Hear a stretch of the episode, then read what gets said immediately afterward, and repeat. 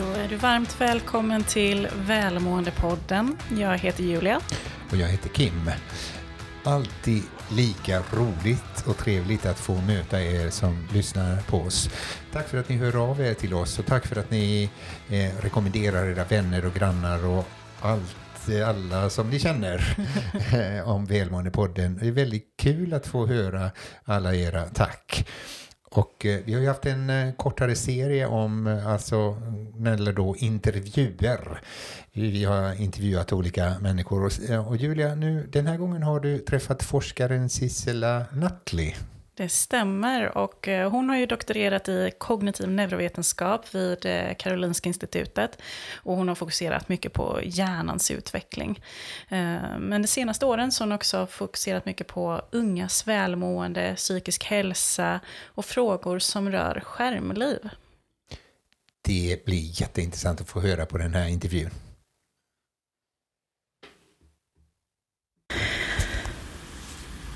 Sissela, eh, jag som har en examen i kognitiv neurovetenskap och älskar det ämnet är väldigt glad att få ha med just dig i Välmåendepodden. Eh, men för de som lyssnar och kanske inte vet vem du är, hur skulle du presentera dig själv? Oh, um, ja, jag eh, är forskare vid Karolinska institutet och har intresserat mig för både hur hjärnan formas om som svar på det vi gör, vad vi, vad vi ägnar vår tid åt. Eh, men på senare år så har jag fokuserat mer på psykisk hälsa och då särskilt i kopplingen till digitala medier och sådana saker. Och så är jag aktiv i ett ideellt projekt som heter Det syns inte, där vi försöker med kulturens hjälp eh, lyfta de här frågorna så att man ska få större ja, men känslomässig beröring och, och motivation att faktiskt agera på det som vi lär oss. Mm. Eh, och jag tänkte att eh, vi ska prata lite mer om det längre fram, för det är ett eh, otroligt intressant projekt som du är med i där. Men om vi börjar lite med din forskning så har du ju till en början fokuserat på de exekutiva funktionerna i hjärnan. Skulle du kunna berätta vad det mm, är för absolut. någonting? Ja, det är ju eh, fint forskarspråk eller psykologispråk för eh, att tänka smart.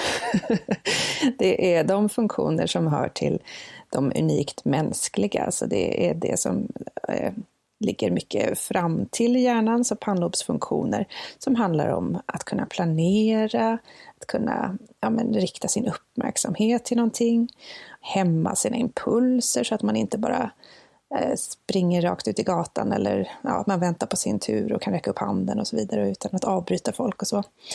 Eh, och det handlar också om att eh, vara flexibel i tanken. Att eh, när eh, ja, man inser att så, nej, nu missade jag bussen. Vad gör jag nu? Kan jag anpassa mig till den här situationen och eh, lösa problemet på något annat sätt? Så sådana saker som vi tänker och tillskriver unikt mänskliga egenskaper som hjälper oss att planera och sköta våran dag och framtid på ett bra sätt. Mm. Och det tar ju faktiskt eh, direkt in oss på eh, boken Distraherad eh, som du har skrivit, Hjärnan, skärmen och eh, krafterna bakom. Ehm, hur mår egentligen människan i en digital värld? Ja, ehm, alltså det korta svaret är ju att eh, vi är ganska överstimulerade. Eh, våra hjärnor är ju egentligen inte riggade för att ha så här otroligt mycket stimulans hela dagarna och alla de här valmöjligheterna vi har, utan den är ju egentligen utvecklad för eh, att kunna överleva nuet. Eh, så vi är ju ganska eh, liksom hardwired att, att eh, rikta vår uppmärksamhet till sånt som är potentiellt farligt och som eh, får oss att eh, agera instinktivt när någonting läskigt eh, händer. Men det i kombination med våra nya funktioner och utvecklade pannlobsfunktioner gör ju att vi kan också föreställa oss en massa hypotetiska faror. Och det gör ju att den här kombinationen med att ha så mycket information tillgänglig hela tiden med ja, allt vad nyhetsläget ger oss och, och tankar om eh, potentiella scenarier som framtida katastrofer och så vidare gör att vi är många som går omkring med ganska mycket oro och eh, eh, ångest kopplat till saker som kanske aldrig kommer hända eller åtminstone är ganska långt utifrån, utanför vår kontroll. Så att digitaliseringen har mycket positivt, men det har också gjort att vi är ganska överstimulerade med information som hjärnan har svårt att bearbeta på ett bra sätt. Mm. Så jag kan tänka mig att det är liksom det här fokuset då som man kanske inte får till och man får eh, överdrivet mycket information kanske. Om vi jämför med hur det var förr i tiden, eh, bara för kanske 30 år sedan, så känns det som att idag har vi ju mer koll om vad som händer i världen eh, jämfört mot förr och det kanske påverkar hur vi ja, mår. Men det tror jag. Absolut, man ser ju en, mm. en negativ utveckling i ungefär 30 år i alla fall eh, på psykisk hälsa. Och, och jag tror definitivt att eh, informationsöverdoseringen är en del i det. Mm. Så hur påverkar egentligen skärmen i hjärnan rent konkret? Finns det något svar på det? Det beror ju på hur vi använder den och hur mycket vi använder den och vad vi ser och vad vi gör på skärmen och sådär. Så det är väldigt komplext. Ehm, men jag och min kollega Lisa Torell har ganska nyligen gjort en kunskapsöversikt för Statens medieråd där vi gick igenom forskning som har följt ungdomar över tid, ehm, alltså sådana longitudinella studier, och tittat på hur sociala medier och spelande påverkar vår psykiska hälsa. Och lite kort så kan man säga att vi kom fram till att det finns två olika sätt som vi blir påverkade på. Och det ena är att tiden har börjat bli så omfattande att för många så konkurrerar skärmtiden ut andra liksom, viktiga friskfaktorer såsom vår sömn och motion och relationer och så vidare, fokustid. Och det andra är ju då innehållet som man interagerar med. Eh, och det kan ju både vara positivt och, och, negativt och ofta är det ju en blandning. Eh, man får ta del av massa ny information och kanske bli inspirerad, men man ser också mycket i sina flöden som man blir avundsjuk på eller som väcker tankar om att man kanske är otillräcklig och inte duger som man är och så vidare. Ehm, så att det är ett samspel mellan både tiden man ägnar och innehållet som man interagerar med och beroende på vad man gör övriga delar av sitt dygn så att säga. Så det är ganska komplext, men, men många unga eh, och vuxna lägger så pass mycket tid att de faktiskt inte hinner sova ordentligt till exempel. Och då är det ju sömnbristen som egentligen förklarar kopplingen eh, till att vi lägger mycket skärmtid och då hinner vi inte sova och så mår vi sämre. Mm.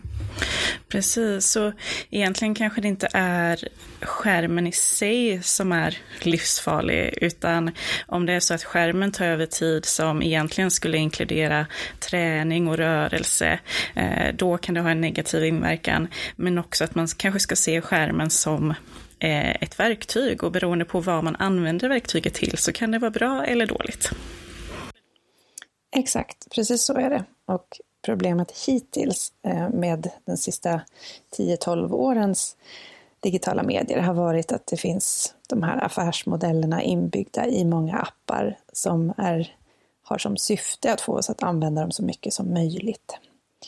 Eh, och det gör ju att det blir svårt för våra primitiva gamla eh, reptilhjärnor att värja sig när vi får triggers som trycker just på våra rädslor och vårt sökande efter belöningar och vår längtan att, att höra ihop med andra och få, få bekräftelse. Ehm, det är svårt för våra då exekutiva funktioner, våra pannlobsfunktioner, att eh, värja sig när vi går på instinkter som har 150 miljoner år på nacken. Mm. Och eh, du pratar om det här med att eh, det har gjorts studier på ungdomar och du har eh, sett över vad, vad egentligen forskningen säger inom det här med skärmen och hjärnan. Så har du några tips till vad föräldrar egentligen kan tänka på, eh, oavsett om det är mindre barn eller om det är ungdomar, eh, kopplat till just skärmtid och hur man pratar kring det? Ehm, ja, det är lite olika beroende på hur gamla de är. Så i början eh, när barn är som yngst, då är det ju dessutom eh, väldigt mycket av den grundläggande arkitekturen av hjärnan som ska falla på plats. Och där ser man att det är extra viktigt att skärmen inte konkurrerar ut eh, framförallt mänsklig interaktion, för barnhjärnan lär sig av andra människor. Eh, och man kan låta ett barn sitta framför en skärm som är ett år, men de kommer inte lära sig så som man tror att de lär sig när de är ett år gamla. De sitter kvar, men får ingen positiv effekt och snarare en blockerande effekt. Så i början av livet så ska man vara så restriktiv man mäktar med och andra länder har ju rekommendationer om det här men inte Sverige ännu. Ehm, men sen så gäller det övergripande att försöka hålla eh, skärmtiden på en nivå som den inte konkurrerar ut de andra friskfaktorerna. Ehm, så för yngre barn, se till att det finns tillräcklig tid för socialt samspel och, och relationer och sömn och motion. Eh, för ofta blir skärmtiden stillasittande. Sen kan man ju göra andra aktiviteter med en skärm också och dansa och köra Pokémon och allt möjligt. Men det är just enskild stillasittande skärmtid som man behöver vara lite försiktig med. Så att eh, jag skulle säga ha skärmfria dagar i början och så är, en bra grej och bara ha, ha dem på specifika tider och platser. Ehm, och inte ha dem i sovrummen till exempel. Och sen har du ju mycket fokus på ungdomar också och jag träffade ju faktiskt dig i och med eh, den ideella föreningen Arts and Hearts eh, och showen eh, Det syns inte. Då i min roll som verksamhetschef för vår ideella förening Wake Me Up. Så ungdomar och deras välmående är ju någonting som vi också har gemensamt. Ehm, kan du inte berätta lite om det arbetet ni gör där? Absolut. Um... Ja, det, här, det började ju som en, en musikalföreställning som vi skrev eh, 2017 som hette Det syns inte.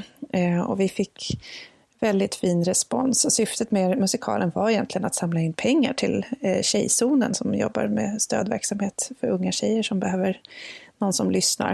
Eh, men vi fick ja, väldigt fin respons kring eh, eh det här. Ehm, att gemensamt få en kulturupplevelse som skapade förutsättningarna för vuxna och deras ungdomar att ha samtal om saker som de kanske inte tidigare hade haft.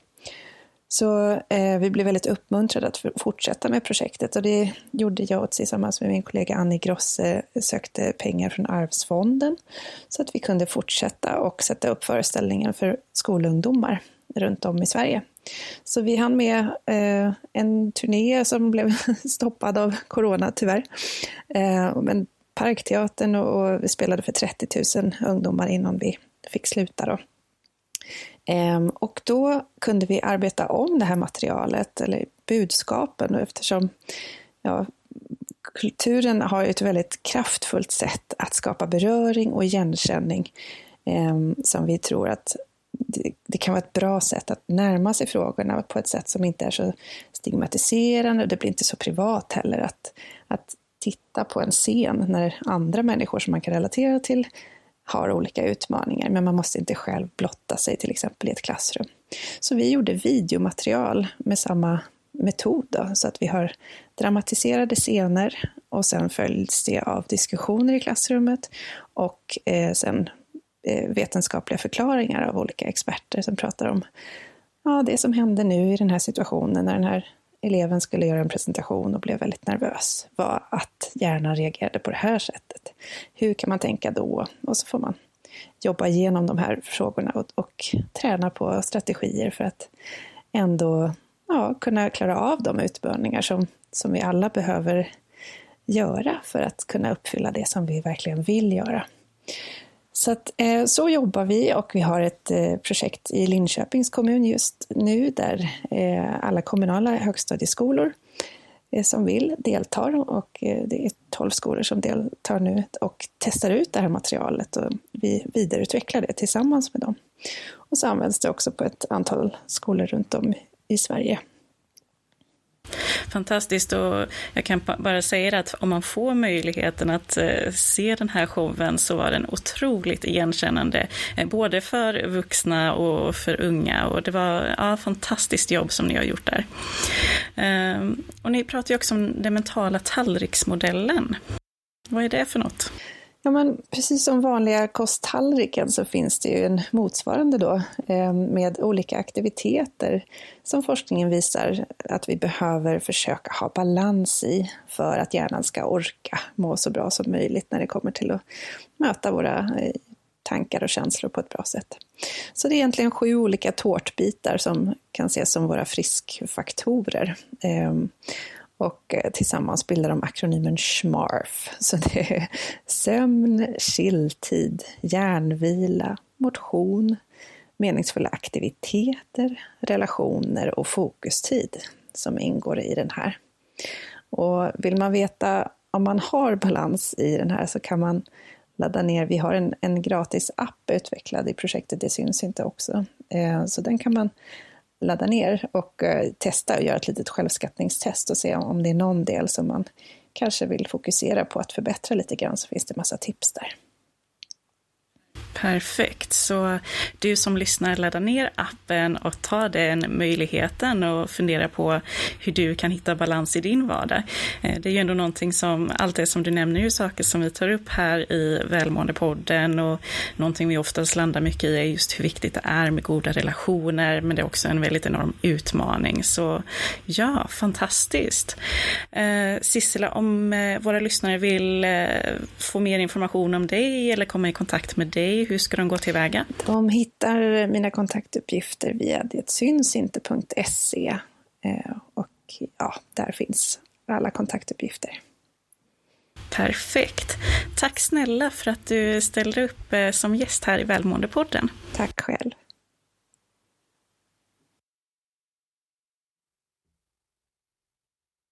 Så intressant. Det var det verkligen. Om man, det är mycket vi kan ta med oss därifrån. Framförallt också det här att använda skärmen med, med hjärnan, med intelligens och använda det på vettigt sätt. Och också det här med kulturens betydelse och hur man kan med hjälp av kultur nå ut eh, med olika budskap.